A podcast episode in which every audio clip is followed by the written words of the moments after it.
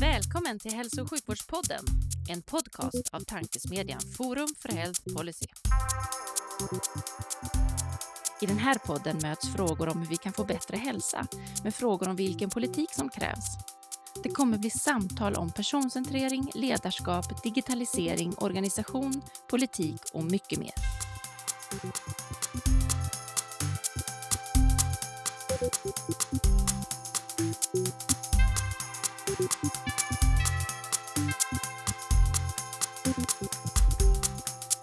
Hej och välkomna till ännu ett avsnitt av Hälso och sjukvårdspodden, tankesmedjan Forum för Health Policies podcast där vi diskuterar de stora frågorna inom hälso och sjukvården med initierade personer från densamma. Jag heter Magnus Lejelöw arbetar till vardags för Colivia men även ambassadör för Forum för Health Policy och vid min sida idag har jag en professor och överläkare med medicin av det precisa slaget som fokus. Varmt välkommen Rickard Rosenqvist Brandell. Tack så jättemycket, trevligt att vara här. Ja, trevligt att ha dig här. Hur är, hur är läget en onsdag som denna? Ja, men det är, just nu så är jag otroligt glad för att eh, Vinnova har beviljat eh, Genomic Medicine Sweden, som jag leder, ett stort bidrag eh, för att jobba med en systemdemonstrator. Just att kunna jobba vidare med datadelning nationellt. Så det gör mig väldigt glad. Kul. Det vissa går igång på att det är mycket svamp ute och vissa går igång på bidrag från Vinnova. Det är, det är fantastiskt. Absolut, ja, det är det. Men vad härligt. Men du, jag tänker vi kastar oss in i det här från början så ska vi återkomma till GMS och, och lite vem du, vem du är. Men hur, hur, tror du att svensk hälso och sjukvård ser ut 2040 för att mjukstarta lite? Ja, vi får se om jag fortfarande jobbar. Jag är då 70 år ungefär eh, 2040. Ehm, och jag hoppas verkligen att vi har eh, då system som Alltså nu pratar jag om digitala system, ehm, både journalsystem, beslutsstöd, som är hopkopplade eh, så att vi har, eh, kan gemensamt eh, använda journalen över landet när det behövs. Det där som låter, låter, så enkelt. Men som verkar det låter så enkelt, ja precis. Och det är ju, jag brukar säga det, jag har jobbat många år i Uppsala och sen flyttat till Karolinska för drygt sex år sedan. Och det är, man kan säga det är väldigt stor skillnad vilka system man använder, trots att det ligger så nära varandra, Uppsala och Stockholm. Så att eh, det, det, behövs en hel del jobb för att harmonisera och just nu är det ju på väg. Eh, alltså det är många intressanta utredningar på gång just att, att få till eh, nationell infrastruktur för digital, alltså hälsodata och även den här utredningen för eh, sekundäranvändning av hälsodata, vilket är centralt att vi får till, ska komma i november. Men då hoppas jag i alla fall där fram i tiden att då kan vi göra alltså sekundäranvändning av data så att man kan använda hälsodata genererad för många patienter för att hjälpa en tredje patient. Mm. Eh, och att vi har kommunicerande eh, system. Sen så hoppas jag eh, eh, också att vi har en tydligare nationell styrning av sjukvården. Eh, eh, regioner har ju, vi har haft regioner i många år och det fyller sin funktion i ett decentraliserat Eh, samhälle, men inom vissa områden så behöver vi nationell styrning och eh, precisionsmedicin som jag jobbar mycket med är ett sådant område där, där det behövs. Så jag hoppas att, eh, att det är möjligt. Och om man pratar, det är svårt alltid att säga vad vi kan göra tekniskt, men vi ser ju, om jag bara tittar tio år tillbaka, så har det gått otroligt snabbt med tekniska utvecklingen och så det är lite svårt naturligtvis fram till 2040, men jag kan tänka mig att man att ehm, då har vi kommit till att man gör till exempel helgenomsekvensering på alla, alla eh, eh, vad heter det, människor som kommer in i sjukvården som man då eh, har som ett eh, ID-kort kanske eh, eh, som man kan använda för olika frågeställningar. Det låter science fiction idag, men nu provar man på pilot på 100 000 nyfödda i England att göra helgenomsekvensning. Ehm, och jag kan tänka mig att, att vi har kommit så långt 2040 att, att det, man har kanske ett ID-kort med sig med, med sin eh, sekvens när man går till doktorn för att hjälpa till med dosering av läkemedel och om man får en sjukdom få, få rätt, eh, rätt behandling. Det var en del stora och bra saker. Vad spännande. Vi, vi återkommer till dem. Det är såna här härliga trådar att ta tag i. Eh, sekundäranvändning av data älskar jag. Så det ska vi prata om. Oj, ja, härligt. men, men du, vad, eh, kan du inte berätta för, för lyssnarna, vem, vem är du och, och vad har du gjort för att, för att hamna där?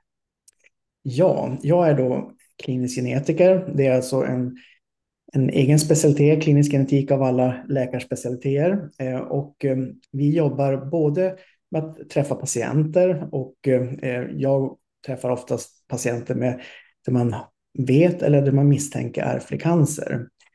Eh, och sen så jobbar vi också mycket med att utveckla diagnostik, alltså ta fram nya diagnostiska verktyg som, som är vassare och vassare och som hjälper oss att diagnostisera, diagnostisera patienter, till exempel med sällsynta diagnoser eller cancer.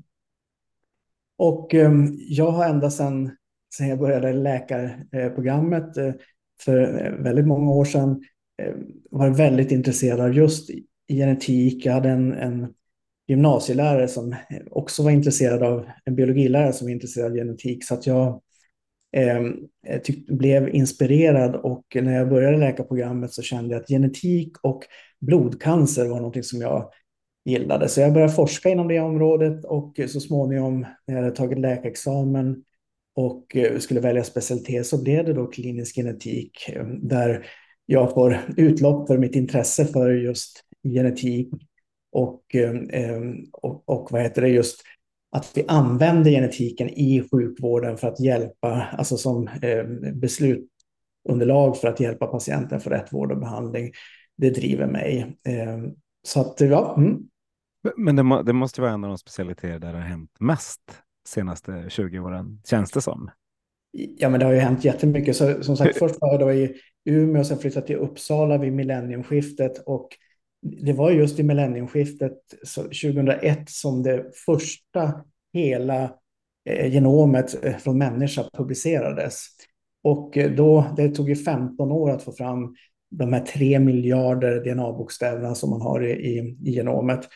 Men det som hände sen var någonstans 2007, 2008, eh, då kom det nya, en ny sekvenseringsteknik, alltså hur man läser av DNA-koden. Och eh, den har hjälpt oss eh, på forskningssidan att kartlägga sjukdomar och förstå vad är, de, vad är orsaken till de olika sjukdomarna. Och, och sen har man med den informationen också kunnat då utveckla nya eh, riktade, målinriktade terapier. Men vi Först var det här forskningsverktyg, men sen, eh, sen tio år tillbaka så började vi introducera de här i sjukvården. För de är väldigt kraftfulla diagnostiska verktyg också och hjälper oss väldigt mycket. Så jag brukar säga att vi som är kliniska genetiker, vi befinner oss i den gyllene eran. Vi kartlägger fler och fler sjukdomar och vi kan hjälpa till att diagnostisera fler och fler eh, patienter. När du beskriver det så känns det, det känns ändå som det har gått ganska snabbt. Eh, jag minns, jag pluggade till apotekare precis när Hugo-projektet presenterades och det var liksom, det, det var något jättehäftigt som vi pratade jättemycket om, som jag trodde, eller vi alla då i naiviteten trodde skulle hända väldigt snart och skulle liksom förändra hälso och sjukvården direkt. Men det har ju tagit några år ändå. Jo, men det, och jag tror att det beror på dels att eh, som sagt de här teknikerna, även om det kom nya tekniker eh, då för säg 15 år sedan så tog det ett tag innan Ehm, sekvenspriset har kommit ner så att, man, så att det blir eh, möjligt att göra det här i, i så eh, de senaste tio åren så har ju sekvenspriset legat på en sån nivå så att vi kan göra det inom sjukvården. Det är alltså en rimlig kostnad och nu är det ju så att eh, sekvenspriset sjunker hela tiden och eh, bara i år så har det kommit ett antal nya instrument till Sverige Ehm, eh, med en, en ännu bättre sekvenskapacitet som gör att priserna sjunker ytterligare. Så att ehm, eh, med åren som har gått så, så eh, blir det mer och mer rimligt att vi använder mer och mer genetisk diagnostik. Vi kan göra mer fast till en mindre kostnad än vad vi kunde förut. Patrik Sundström har en sån här fin bild där han visar att det kostade två JAS först, sen gick det ner till en villa i Malmö och sen en rostig Volvo och nu är det en halv Piggelin. Liksom det, Ja, precis. Och det, det, är lite farligt det där också, för när, när de här vissa eh, eh biotechföretag berättar om kostnader då, så, så pratar man om eh, 200 dollar genomet och så där. Men det, det som är farligt är det att då pratar man bara reagenskostnader. Man, man, tar inte hänsyn till att man måste köpa ett instrument, man måste ha personal och allt det. Och sen ska man ha molekylärbiologer och bioinformatiker och läkare som ska tolka all den här data. Och, eh, så det kostar betydligt mer än, än de här 200 dollarna som, som man marknadsför. Och det, tyvärr blir det också, just när man debatterar så får man ofta höra det här, ja men nu är det ju så billigt. Eh, men vi är inte riktigt där än Nej. på de nivåerna. Men, men att det har hänt något dramatiskt med priset, det kan vi ju säga. Sen är vi inte nere så man kan gödsla med det, men det har hänt väldigt mycket. Det har hänt väldigt mycket, ja. Mm. Men om man då tänker på dina, eh, ja men precis, du, du nämnde tidigare också att du är föreståndare för GMS. Det kanske vi, ska, vi kanske ska dra det för alla också, eftersom det, det är någonting som pratas mycket om och som, som ju faktiskt eh, det går framåt med. Ja, ja men Genomic Medicine Sweden och GMS, det är då en nationell samverkan mellan just universitet, eh, Eh, eh, alltså universitet med medicinsk fakultet och regioner med universitetssjukvård. Att verkligen se till att vi kan implementera och skala upp precisionsdiagnostik som bas för, för att kunna ge individanpassad vård och behandling. Och vi har varit up and running. Vi, vi började med en förstudie 2017 och sen eh, startade vi upp hela verksamheten 2018 och har då en nationell styrgrupp som representerar de 14 parterna plus att vi också har två patientrepresentanter och två representanter från näringslivet eller från branschorganisationen med. Och eh, sen har vi då fokuserat på, på sällsynta diagnoser, cancer, mikrobiologi, infektionssjukdomar, men även komplexa sjukdomar, alltså folksjukdomarna. Och då har vi samlat experter över landet som jobbar med både diagnostik, behandling, eh, forskning för att se vad är det som vi, eh, vilka typer av tekniker vill vi framför allt kunna erbjuda och vilken typ av precisionsmedicin vill vi erbjuda. Och sen så har vi jobbat med både långsiktiga och kortsiktiga mål för att verkligen implementera nationellt. Och då har vi byggt upp det så att det är en decentraliserad verksamhet där vi har eh, sju stycken Genomic Medicine Center som ligger på universitetssjukhusen och det är där det sker, den här precisionsdiagnostiken och precisionsmedicinen. Och de ska också täcka de omgivande regionerna, alltså de regioner som inte har universitetssjukhus för att få jämlik tillgång till, till de här nya teknikerna och behandlingen. Och sen har vi då en gemensam eh, plattform, kallas nationella genomikplattformen, för att eh, dela data eh, över landet. Och det har varit en spännande eh, Eh, process, just det här med datadelning. Eh, det är väldigt komplext, juridiskt komplext, men nu har vi alla avtal på plats för att kunna dela data mellan de 14 parterna inom GMS och vad heter det? Eh, det måste då vara inom etikokända projekt inom cancer och, och vad heter det? barncancer och sällsynta diagnoser. Så vi har nationella etiktillstånd och allting på plats nu. Så nu är vi igång och börjar dela data nationellt, vilket är, det har tagit ett antal år, men eh, det känns jätteroligt att vi är där nu. Och det är häftigt. Ni har verkligen kommit långt på det området. Eh, för det är ett exempel på att man faktiskt kan dela data mellan, mellan våra regioner, gud förbjude. Ja. Eh, på ett ganska komplext område. Är, det, är, liksom, är, är nyckeln att det är, att det är relativt avancerat? Eller vad, hur, hur kommer det sig att ni har lyckats hur ska man uttrycka det, använda gråzonerna eller våga tolka lagarna precis så som, som vi ju borde göra?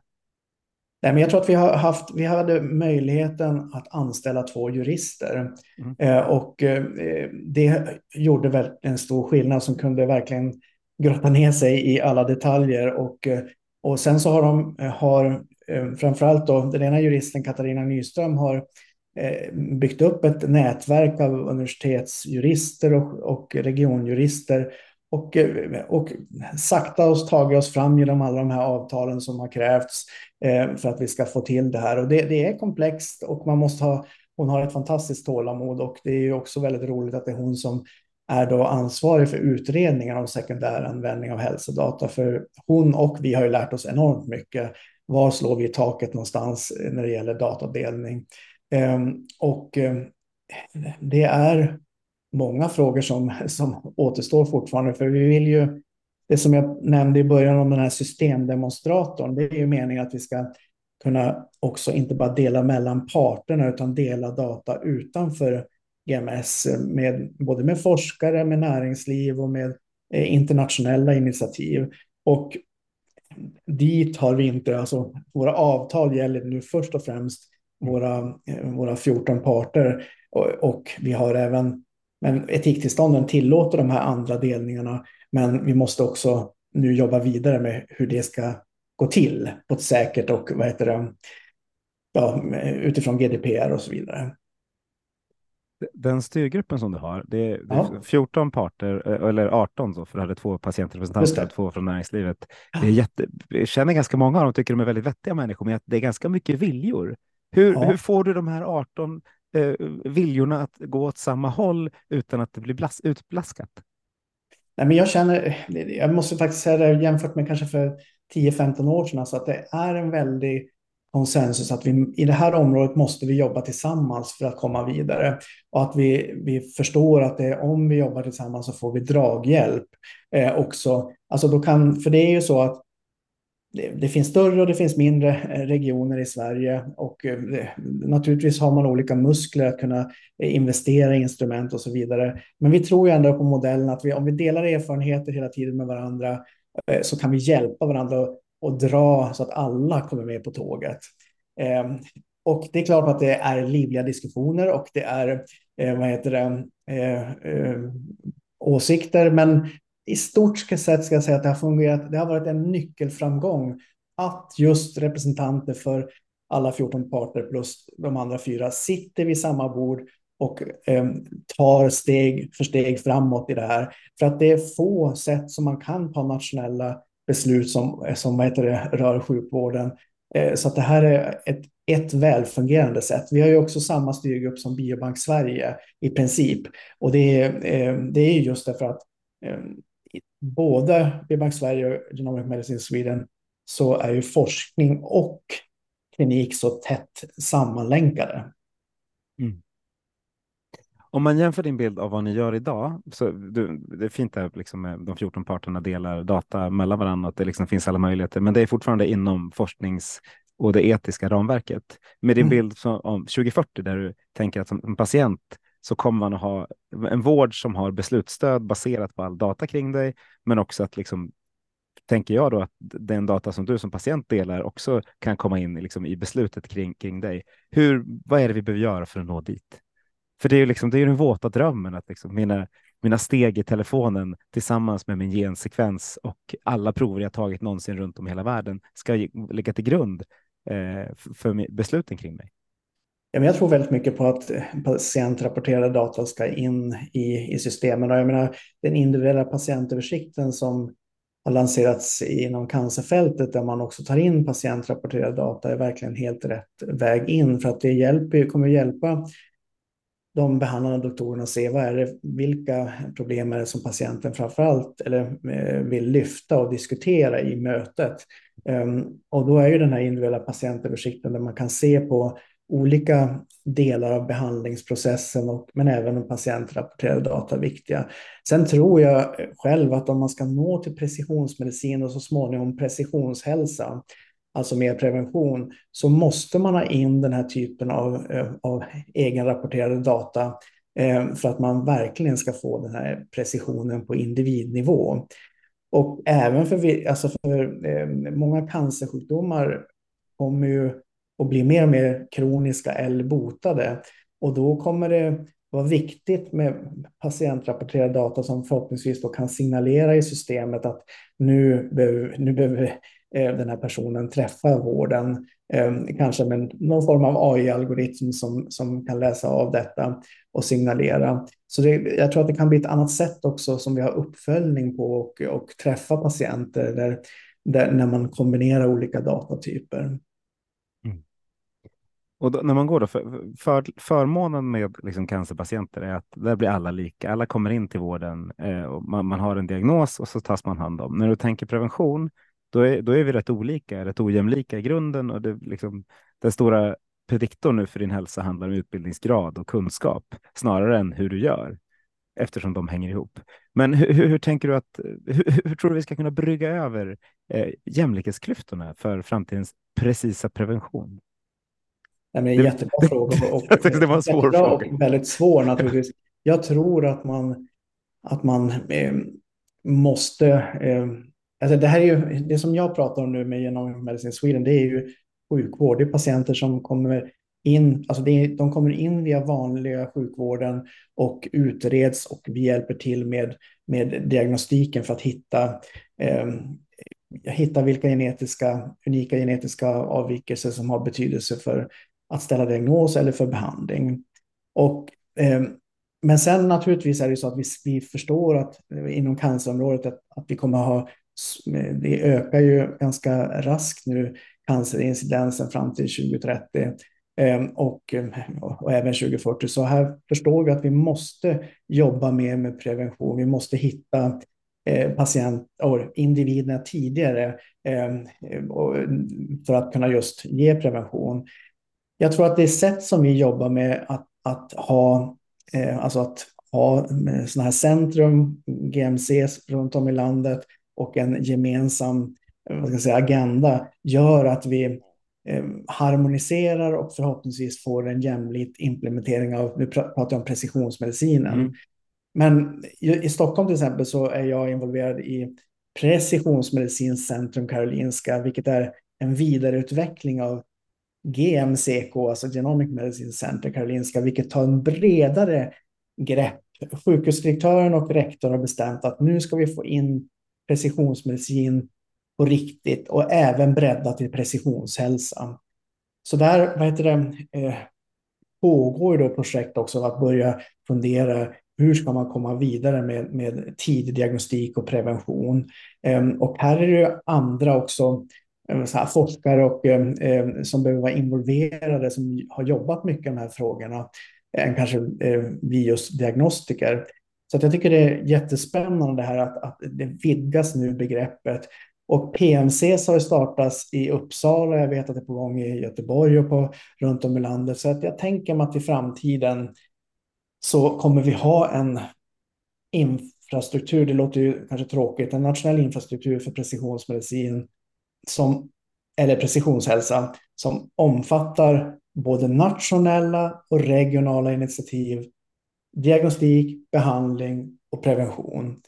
Ehm, ett fjärde ben som jag också tycker är viktigt är uppföljning, för man måste ju följa upp vad man när man ger behandling också. Men, men jag tror att den här preventionsdelen eh, kommer vi att behöva jobba eh, väldigt mycket. Vi kan använda liknande tekniker ehm, men naturligtvis så är det mer komplext därför att det är ett samspel som du var inne på mellan miljö, arv och, eh, och, eh, och så vidare. Och hur långt ska man gå då? För om jag tänker de, de aktörer som påverkar mest, mig mest preventivt, eh, förutom arv och miljö, då, handlar om men, det jag gör på Friskis Svettis, den data jag skapar där, det jag gör på ICA, eh, kanske viss mån det jag gör på Systembolaget, fast åt, åt andra hållet. Då. Hur, hur, hur långt ska vi gå? I, liksom, vad, vad ska vara gränsen för sjukvården och hälsovården framöver, tror du? Om vi nu kan använda all den här datan? Ja, nej, men det, jag tror att det måste man naturligtvis ta ställning till. Jag är ju, som du hörde när jag svarade på din, din förra fråga, är det, jag jobbar som sagt med med patienter som, som är diagnostiserade eller ja, vad heter det, eh, där man misstänker en diagnos eller där man har en diagnos. Och, men just det fältet som jag jobbar med, ärftlig cancer, där jobbar vi mycket med prevention. Vi hittar patienter som har en ärftlighet, har en genetisk predisposition för till exempel bröstcancer, om man har en bröstcancer 1 eller bröstcancer 2 mutation. Då är det ju höga risksiffror som gäller för de patienterna, men där ger vi ju möjlighet till uppföljande program för att hitta i tid. Och det finns även möjlighet till profylaktiska operationer. Så det är ju ett sätt som vi har provat i, i många år nu, eh, hur vi hjälper den patientgruppen. Jag hjälper till att diagnostisera och sen har vi på Karolinska en uppföljningsmottagning som tar hand om uppföljning och skickar alla kontroller och så vidare.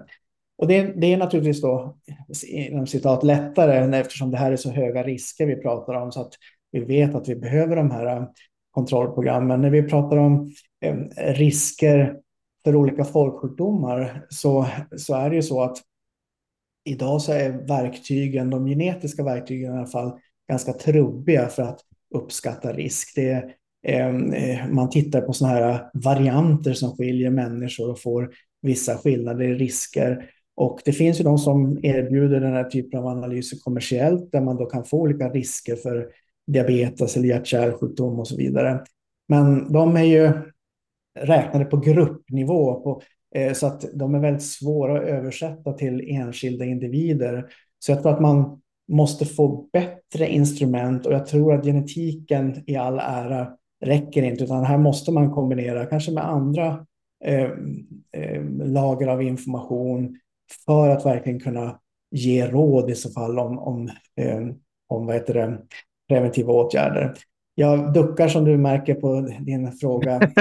Hur vi ska, Men du gör det snyggt. Ska göra, för jag vet ju hur svårt det är. Om jag ska, det är ju svårt även fast patienten vet att de har risk för en sjukdom så, så är det inte alltid lätt. Eh, det är inte lätt att uppfatta risk för patienter och sen också att, att man eh, går på kontrollprogram och så vidare. Så att eh, det är en utmaning. Men då vänder jag på frågan. För jag, varför jag frågar är för att jag är nyfiken på, på hur, med, liksom, med din genetiska bakgrund, eh, inte du genetiskt, men hur du jobbar med genetiken, eh, hur man, hur man liksom kan använda det och vad, vad, vad är trenderna där? Är det, eh, är det mer och mer specifikt och specialiserat och liksom mer sjukdomsnära genetik man jobbar på framåt eller är det liksom bredare folksjukdomar? Du sa att man inte har kommit så långt, men vad, 2040, vad tror du, vad, liksom, vad, vad, vad ser forskningen ut att ta vägen? Ja, men jag ser, forskningen, om man, om man tar då Ehm, cancer och ehm, ehm, vad heter det, sällsynta diagnoser och infektionssjukdomar, där ser vi att vi, man har börjat med genomanalys, alltså genetiska analyser. Och nu kommer eh, nästa nivå är då transkriptom, alltså alla gener som uttrycks. Och sen så kommer proteomet som är alltså hur alla, alla proteiner som uttrycks. Och sen så finns det också epigenomet som är alltså hur gen regleras. Och vi ser nu att vi inom till exempel inom barncancer som vi jobbar med. Vi har ett särskilt arbetsutskott som heter GMS barncancer. Och där gör man då helgenomsekvensning, heltranskriptomsekvensning och eh, för vissa undergrupper också metyleringsanalys. Eh, så där ser vi att vi är på väg till multiomics. Och eh, just den här multiomics eh, ger mycket mer information och kan hjälpa oss att eh, vad heter det, både i diagnostik men även Ehm, eh, som, behandlings, eller som underlag för behandlingsbeslut se vilka signalvägar det är som är påverkade och så vidare. Eh, så det, det jag skulle säga om cancer kommer det eh, och, alltså det kommer att bli mer och mer och vi använder det i vissa områden redan flera lager. Och här är det viktigt också att man då har, då måste det för att vi ska kunna använda det kliniskt eh, så måste vi ha beslutsstöd, digitala beslutsstöd som kan ta in all den här informationen och leverera den, visualisera den och mm. leverera den så att man kan vid sådana här molecular tumor boards just för cancer att bestämma vilken behandling som man kan tänka för patienten. För då, det är så pass omfattande datamängder från varje analys eh, så att man måste verkligen få ner det här till en, en, en nivå, en begriplig nivå som, som man då kan ta beslut på. Det, det kommer vara den stora utmaningen och det är vår utmaning nu också att, att ha bra beslutsstöd som, som, vi kan, som kan hjälpa oss.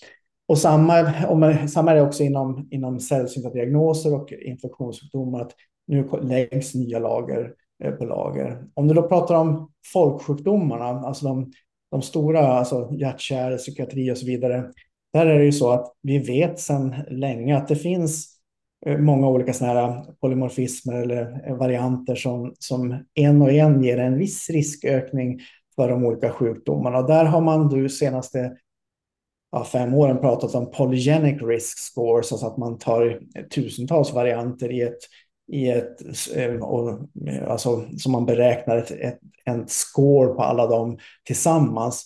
Och då, i alla fall inom vissa områden, så säger man sig ha bättre eh, möjlighet att, att eh, hitta de som har en hög risk. Eh, än så länge, i, i min, i alla fall vad jag vet, så har ingenting introducerats än i klinisk rutin. Eh, men jag tror ändå att det här är en väg framåt. Kanske det är så att det här polygenic risk score ska kombineras med en rad andra faktorer Eh, och att man då kan få fram meningsfull information. Det finns ju några riktigt stora initiativ som jobbar med det här. Vi har ju FinGen i Finland som har passerat 500 000 finnar som man har som man har då gjort eh, sån här genetisk analys, eh, det kallas GIVAS, Genome Wide Association Studies, och de har en väldigt ambitiös approach. Så jag, jag hoppas att det också kommer. Nu ska de gå in, såg jag nyligen, en ny fas och förhoppningsvis kommer de ge en svar, svar på det. Och sen har vi UK Biobank som också är en väldigt välkaraktäriserad stor grupp eh, eh, individer med kopplade eh, data om, om eh, eh, vad heter det, sjukdomar etc. Så att jag tror att den typen av väldigt stora eh, kollektioner kommer ge meningsfull information så att vi ska kunna använda dem. Men det enda som jag idag ser inom folksjukdomar där vi skulle kunna börja redan idag, det är farmakogenetik. För vi vet att vi bär på olika varianter som modifierar hur vi bryter ner eller hur vi metaboliserar eh, eh, läkemedel. Och här det har vi vetat länge, 20 år, att det är mer. Eh, men det har inte ändå kommit riktigt i stor skala in i sjukvården. Och jag tänker att där, där skulle man, man skulle verkligen behöva ha det på, eh, i journalen, eh, vilka varianter man bär på. För det skulle spara både att vara lidande och alltså att få Eh, biverkningar och även spara samhället pengar. Eh, så det är verkligen något som jag tycker att man, man borde få till. Och då, då måste vi ha, då kommer vi igen, vi måste ha då interoperabla system i Sverige för att kunna just flagga upp det här eh, runt om i landet så att eh, oavsett var man kommer så ska man kunna se det, eh, om man bär på en variant som gör att man ska inte få en viss medicin eller, eller att man heter, behöver få en dosreducering eller en dosökning. Och, och, det vill man ju att det ska kunna ske runt om i Europa och världen också, tänker jag. Eh, och det är väl när vi börjar bryta ner gränserna i Sverige, tänker jag, då, då borde vi, det borde nästan vara lättare att bryta ner gränserna mot Europa, eller, eller vad tror du? Nej, men det, det, och det, på europeisk nivå så finns det ambitiösa planer. Eh, vi har ju då One Plus Million Genome-projektet som mm. Eh, jag tror det är 26 eller 27 stater i EU har nu skrivit på att man fram till faktiskt 2022 skulle delat mer än en miljon individers ehm, eh, ja, helgenom, hela genom. Eh, och eh, vi, nu eh, det pågår också ett, som ett delprojekt inom det. Ehm, jag ska kanske säga först att det blev inte klart till 2022 därför att det är rätt komplext med juridiken. Vi har GDPR naturligtvis som är samma, men det kanske tolkas på olika sätt. Ehm, vi kanske får hjälp av EHDS, European Health Data Space. Det ska ju lösa allting, så det, det, det tänker vi. Ja, just det, precis. Det. Men det kanske ändå knuffar på processen mm. ändå, för att eh, det är viktigt för att vi ska kunna dela på europeisk eh, nivå. Eh, nu ska vi se här, nu, nu ska vi se var jag var någonstans. Eh, vi tappar du, du var i Europa och gränserna och hur vi kan använda Just, ja, men alla miljonerna. Jag tror att eh, det, eh, som OnePlus Million Genome-projekt eh, blev ju inte klart 2022 därför att det är en del legala Ehm, saker som måste lösas eh, och logistik, både teknisk eh, och så vidare. Men det pågår ett intensivt arbete och, och som sagt, vi kanske får hjälp av just EHDS i, i, i det hela. Men och där är, det, där är målet att man ska dela helgenom från, från eh, cancer och sällsynta diagnoser, eh, även fler eh, sjukdomsgrupper. Men som ett sub, ett eh, underprojekt så finns då eh, en särskild satsning som heter Genome of Europe där man vill ha då 500 000 referenspersoner som är då friska. Ehm, och eh, så där ska vi då, de olika, det ska bli då, man önskar sig en, en spridning från olika grupper inom länder så att man verkligen får ett, ett starkt referensbibliotek av hela den europeiska populationen. Och det kommer att vara viktigt också för att vi ska lära oss att tolka bättre all data, därför att varje individ har ju någonstans fyra miljoner varianter ehm, och ehm, det är ibland svårt att tolka vilka som är då sjukdomsframkallande och vilka som är ovanliga eh, vad heter det, varianter som, som inte har någon klinisk betydelse. Och då kommer det här att, att vara viktigt att, att eh, skapa det datasättet. Men sen så är ju vår ambition i, i GMS att vi ska kunna dela data på europeisk nivå till att börja med. Ehm, och ehm, så att vi förbereder oss för det. Vi tycker det är viktigt. Och i Sverige så har det då skapats en One plus million genome node för att kunna koppla upp mot det europeiska. Vi har inte skickat några data än, men, men det finns alltså en, en tanke hur vi ska kunna forskningsdata ska kunna eh, komma eh, till på europeisk nivå. Och när tror du att den kan gå från forskning till att bli verkligt för mig som patient? Ja, alltså vi, om alltså det, blir, det blir ju verkligt att, att det, det är forskning är jätteviktigt. Också.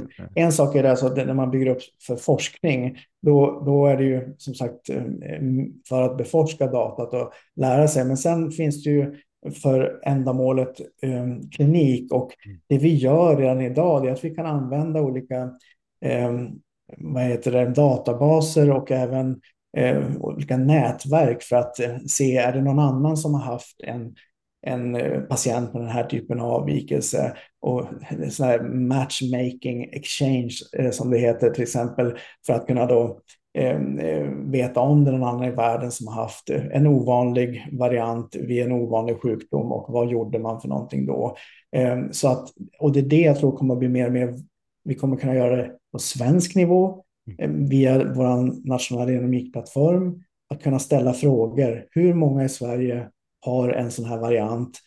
Och sen om man vill veta mer om de patienterna, men då får man eh, ta kontakt med den regionen för att diskutera vidare. Men, men mycket just att kunna sammanställa eh, hur många individer av en särskild variant eller om, om vi har hittat överhuvudtaget någon i Sverige. Hittar vi inte i Sverige, då, då kan man gå vidare till den europeiska databasen och sen även internationell datadelning. Då. Det låter något det där, ja. Det blir ja. man glad av. Ja. Mm. Vi tar en annan liten lätt fråga. Du nämnde att du tror att det blir mer nationell styrning framåt. Ja. Eh, och, och sen tror vi också att precisionsmedicin och precisionsdiagnostik och precisionshälsa ska öka. Eh, och då tänker, den ser jag ju kommer liksom ske mycket i primärvården eller kanske till och med utanför primärvården. Hur, hur, tror du att styrningen liksom kommer förändras framåt av, eh, av precis hälsa och av behovet av att ta liksom nationella beslut? Ja, men jag tycker själv att vi behöver reducera antalet regioner till åtminstone de, eh, de samverkansregioner som, som planen var eh, för ett antal år sedan. Eh, och det, det tycker jag är det första steget. Och sen tänker jag mig att det viktiga är att vi får en, en nationell styrning som beställer sjukvården och sen då att regionen, regionen kan leverera sjukvården och få betalt utifrån hur de levererar sjukvården. Det tror jag skulle bli en, en bättre eh, dynamik. Men sen är det vissa områden som, som till exempel precisionsmedicin som är än så länge högspecialiserad vård på universitetssjukhusen. Och där är det viktigt att få till den här nationella styrningen så att vi fördelar resurser jämlikt, att alla får jämlik tillgång. Och eh, då tror jag, med tanke på den ekonomiska situationen för regionen, så tror jag att man behöver den hjälpen från staten för att peka ut riktning och eh, vad vi ska göra inom det här området så att, så att det också blir jämlikt. För risken är om vi inte har en eh, styrning, det är ju att det blir olika beroende på ekonomiska förutsättningar i olika regioner, just inom såna här, ett, ett sånt här särskilt område. För att Många när de hör precisionsmedicin tänker oj, det är dyrt, det kostar mycket. Och det, och det är därför som också staten är en viktig spelare, därför att eh, ja, det kostar att göra genetisk diagnostik. Det kostar att ge behandling, men det är också så att vi får vinster, att patienter eh, blir, får bättre effekt av behandling, kommer tillbaka till arbete och så vidare och ge stora effekter i samhället, alltså samhällsvinster. Och när man planerar budgeten i, i regionen så ser man ju sin del, man ser ju inte alla de här vinsterna. Och jag tror att man måste ha det här helhetsgreppet och göra hälsoekonomi för att, för att se att ja, men det är inte så dyrt med, med vad heter det, precisionsmedicin. För diagnostiken har blivit billigare och billigare. Och egentligen är det diagnostiken är en, en liten del av, av, om man jämför med vad behandling till exempel kostar vid cancer. Men sen så ska man komma ihåg att när man just kan precisera så, så ger vi inte dyra behandlingar till de patienter som inte kommer svara på dem. Så vi, på det sättet reducerar vi ju hur mycket vi använder mediciner när de inte är verkningsfulla. Och det är också en väldigt en, en stor vinst. Och att vi minskar eh, vad heter det, biverkningar och, eh, som är en ganska stor samhällskostnad också. Så att jag tror att när, man, när vi har börjat göra hälsoekonomiska analyser så, så ser vi att, eh, att eh, det är inte så att det absolut blir dyrare utan att den initiala kostnaden kan bli dyrare men i det stora hela eh, så behöver det inte bli dyrare. Sant. Hur tror du det kommer påverka framtidens äldrevård då? För det är också på tal om fragmenterat. Vi hör, du och jag tillhör väl samma universitetssjukhus men bor i olika kommuner gissar jag nu. Eh, men så, så, vi har liksom olika förutsättningar kommunalt när vi nu hamnar på ett äldreboende. Hur, vad, vad, vad tror du om, vad ska vi säga, 50 år framåt i tiden? Hur, hur tror du precisionsmedicin påverkar din och min liksom, äldreomsorg? Ja, men jag tror att då är ju precisionsmedicinen är ju, kommer vara eh, lite grann som du var inne på, det här är ju en systemomställning i sjukvården. Vi, vi går från, Eh, från Alltså det är en modernisering kan man säga av sjukvården. För det är ju, vän av ordning skulle ju säga, men har vi inte alltid velat precision? Ja, det har vi alltid velat. Och vi har kunnat inom vissa områden gjort det här ett, ja, åtminstone 10-20 år. Men det som har hänt nu är att vi har fått nya tekniker och inte bara nu pratar jag om sekvenseringstekniker utan även eh, eh vad heter det, imaging, alltså bildanalys, eh, röntgen och så vidare. Eh, och som har gjort att det tid är möjligt att mer storskaligt börja göra precisionsmedicin.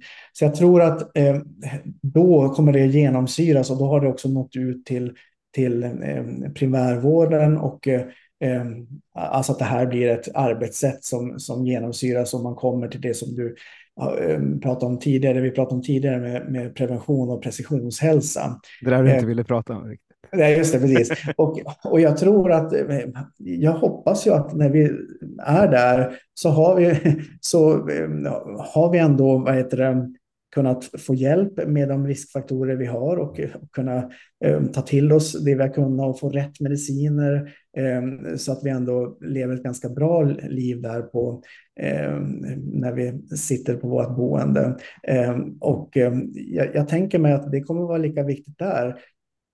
Och det vet vi alltså till exempel att om man är äldre och har många mediciner eh, eh, så finns det ju risker med biverkningar och, och här finns det möjlighet med med som sagt farmakogenetik och få lite bättre koll på detta. Och, så jag tänker mig att eh, eh, förhoppningsvis så lever vi inte bara ett längre liv utan har, eh, mår bättre också. Det hoppas jag i alla fall. Ja, men det är bra. Det är, det är positiva ord. Det, det tycker jag låter både rimligt och trevligt. Eh, om, man, om man tar en, en annan så här penseldragsfråga eh, så, så pratas det väldigt mycket kompetensförsörjning i vården just nu eh, ohyggligt mycket skulle jag till och med säga att det pratas just nu. Tror du att det går, eh, kommer att dra mer resurser eller frigöra mer resurser om vi blir bättre på diagnostiken eh, och blir mer precisa i medicinen? Ja, men jag, jag tror absolut att vi kan Alltså om så småningom vi får den här nationella interoperabiliteten och får system som Ehm, kanske bygger in AI och hjälper oss eh, och får kloka, smarta beslutsstöd, då tror jag absolut att det hjälper eh, oss att effektivisera. Det som är nu är då att vi, vi står inför eh, det vi står inför att vi nu ska jobba på ett nytt sätt och då måste vi också utbilda de som redan jobbar i vården och vi måste utbilda de som är på väg in i vården som går utbildningar. Ehm, och det, det är ju faktiskt en, en stor uppgift att göra det. Och vi vet att flera eh, yrkeskategorier som jobbar med precisionsmedicin, till exempel som jag som är klinisk genetiker, de som är patologer, är bristspecialiteter. Mm. Det finns ganska få, och jag tror att vi är någonstans drygt 60 specialister i klinisk genetik i landet. Och, eh, och det är inte många av drygt 30 000 läkare. Ehm, och det, vi kommer ju naturligtvis inte att räcka till. Och det är inte bara vi, utan det är eh, naturligtvis andra specialiteter som kan bidra. Så här måste man tänka nytt. Så vi har varit med och startat tillsammans. KI och Uppsala universitet har gjort en utbildning, en sån här Massive Open Online Course för precisionsmedicin, för sjukvårdspersonal om precisionsmedicin, som är uppdelad i moduler som man kan ta Eh, det är 10-15 minuters filmer som man kan ta på kafferasten eller om man eh, tar på sina vad heter det, APT eh, ett avsnitt i taget. Så kan man få ett diplom att man har gått det. Vi har också startat en ST-utbildning på Karolinska för blivande eh, vad heter, specialister inom precisionsmedicin och cancer eh, som har varit väldigt, väldigt uppskattat. Vi har, eh, och förutom professionen så jobbar vi med patientföreningar så att det har startat en utbildning eh, där man då får mer information om bland annat om precisionsmedicin. Så att, eh, och jag tror att vi måste jobba med med eh, vad heter det, just sådana här eh, onlinekurser och annat eh, för att få ut informationen eh, eh runt om i landet. Och sen är ju många av oss som åker runt och föreläser också, men, men jag tror på det här med att att man bygger upp på universitetssjukhusen eh, och universiteten och sen så eh, ska kunskapen sprida sig i, i, de, i samverkansregionerna eh, allt eftersom. Och eh, ja, vi, så det är klart att det behövs kompetens, det behövs fler som jobbar. Vi, vad vi har brist av rent konkret är vi har bioinformatiker, de som ska arbeta med alla de här stora datamängderna som hjälper oss. Vi har brist på biologer, eller som de hos oss kallas sjukhusgenetiker, som tolkar och gör ett, en första teknisk analys och tolkning. Ehm, och sen är det brist på dem, vi som ska vad heter, ge de kliniska delarna i svaret. Och, ehm, så att det, där behöver man verkligen eh, få till fler. Men sen kommer det att behövas mer ehm, systemarkitekter och alltså det är en rad olika eh, områden för att få det här att verkligen eh, växa snabbt. Det här är ju bristområden som vi inte är ensamma om i Sverige, utan det är ju eh, i alla fall i Europa och i övriga världen har man brist på, på eh, den här specialiteten. Så det kommer att bli en utmaning. Men det är klart att vi klarar det och, eh, eh och vi, eh, men man måste, jag tror att man måste tänka till där att man måste överutbilda i de här områdena för att vi ska få bukt med bristen. Men det du beskriver med liksom att man får mycket stöd från AI och får mycket stöd från, från information utifrån. Tror du vi behöver en annan typ av eh, färdigheter för att vara exempelvis läkare? För ju, liksom, eh, just nu är det folk med, med, med hög, liksom, duktiga som har bra betyg och som har lätt att få in mycket information och kunna processa det. Är det behöver det gå mer åt empati eller mer åt något annat? Eller, vad, vad tror du? Antyder du att vi inte är empatiska? Det sa jag inte. Jag sa att det kanske inte premieras i antagningen. Eh, alltså, nej men jag, jag tänker så här att um, ehm, AI är ett hjälpmedel som kommer att vara viktigt för oss, men jag tror ändå att vi, eh, det, det måste vara så att um, vi som doktorer och specialister måste kunna um, ha en väldigt stor kunskapsmängd för att kunna Eh, tolka och eh, eh, välja rätt beslut. För jag menar, AI kan ju ta fram ett, ett beslutsunderlag, men det är inte säkert att man vill följa det, för det finns ytterligare faktorer som, som spelar in för patienten som man har framför sig. Så jag tror att man eh, naturligtvis får mycket mer hjälp. Jag tror det blir en utmaning med, med all den här informationen som sköljer över oss. Jag tror att vi måste bli med duktigare, eh, de man utbildar i, vad ska man kalla medicinsk informatik, alltså att, att få mer utbildning och förstå vad man kan göra.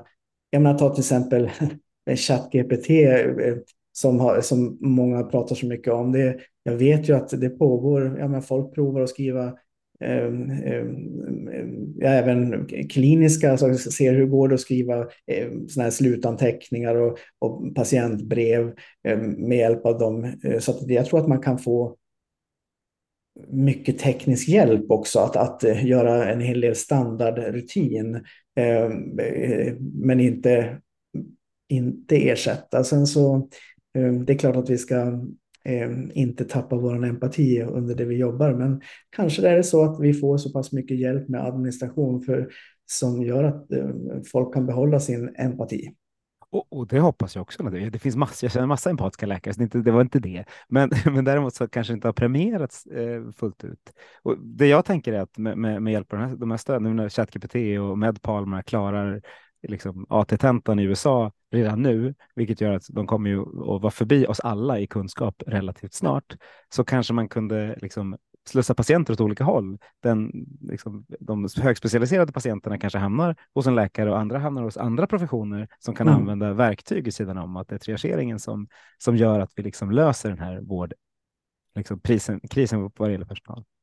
Ja, men jag tror absolut, jag tror du är inne på, ehm, ehm, och då gäller det att vara öppna från vårdens sida ehm, för de här nya lösningarna och prova de här nya lösningarna. Det kommer säkert vara så att det är vissa som kommer gå i bräschen för detta eh, och, och testa. Jag tror att man måste våga prova och se hur det fungerar. Så jag tänker mig att när du i början pratade om 2040 så, eh, så hoppas jag att det är där, för det skulle hjälpa till exempel. Jag menar, det, eh, ta till exempel akutmottagningen där det är många patienter som väntar så kanske man kan få hjälp att, att eh, ehm, ja, och så vidare. Och mm. även inom sjukvården att, att som du säger triagera och, eh, och hitta till rätt ställe för rätt patient också. Kul. När jag eh, pratade innan så skickade jag lite frågor till dig. Så här, de här ungefär kommer jag att prata om. Jag har ju ställt en av dem hittills och det var den första frågan om 2040. Sen har vi ju liksom pratat runt allting, vilket är väldigt roligt för det blir ett bättre samtal då. Men eh, när du kom in i det här digitala rummet, var det något du hade velat prata om som du kände att det här har inte Magnus lyft. Det här stickspåret har han inte tagit. Ja, men det, det, jag brinner för det här området och tycker det är Eh, jättekul att det också har fått så mycket uppmärksamhet. Eh, för det är faktiskt så att det är väldigt positiva vindar över landet. Att vi, vi, vi förstår att vi, att vi måste gå den här vägen. Naturligtvis finns det en risk när man pratar så mycket om just precisionsmedicin och för den delen AI också, att jaha, det är en våg och så kommer det, går den vågen över och så tar någonting nytt över. Och det är klart att att, eh, och det tycker jag är, risken att när, när det blir ett hype-ord eh, eh, som många använder, att eh, vi måste också se till att, vi, att det verkligen kommer in i sjukvården. För att det är inte så att vi är eh, vi, inom vissa områden har vi kommit längre, men andra områden så är det en bit kvar. Så att eh, även om folk vill springa på mot precisionshälsa så är vi inte klara med precisionsdiagnostiken och behandlingen än. Ehm, och, och det, för mig är det så att vi måste få dem på plats för att vi ska kunna ta nästa steg med precisionshälsa. Ehm, och naturligtvis kan man göra saker parallellt, men, men, men det, är väl ändå, det är väl ändå jag ska ta upp att, att man, det finns en risk i det här med hypeord. Ehm, att de är övergående och det här är ingen övergående trend. Och det är något som vi också förklarar till, till beslutsfattare att här behöver man ha 10-15 års perspektiv mm. när man jobbar med frågorna för att det går inte. Jag tycker ändå vi har marscherat på ganska snabbt med att förändra inom sjukvården, men det är ändå så att det tar oftast år perspektiv när man ska göra förändringar och särskilt om man ska göra det på nationell nivå. Så därför så, så hoppas jag att, att vi ska kunna hålla liv i den här frågan så att, det, så att det når ut i alla kapillärer i landet. Och eh, jag brukar säga det eftersom jag själv kommer från Norrbotten så, så vet jag hur viktigt det är att det inte bara eh, centreras runt de stora orterna utan att det här också ska vara tillgängligt för alla i landet. Mm. Det blir ypperliga slutord på en, på en trevlig intervju. Då, då tackar jag dig varmast Rickard för att du var med i Hälso och sjukvårdspodden. Ja, tack så jättemycket för att jag fick komma. Grymt, då går vi ut och förändrar svensk hälso och sjukvård till det bättre helt enkelt. Yes.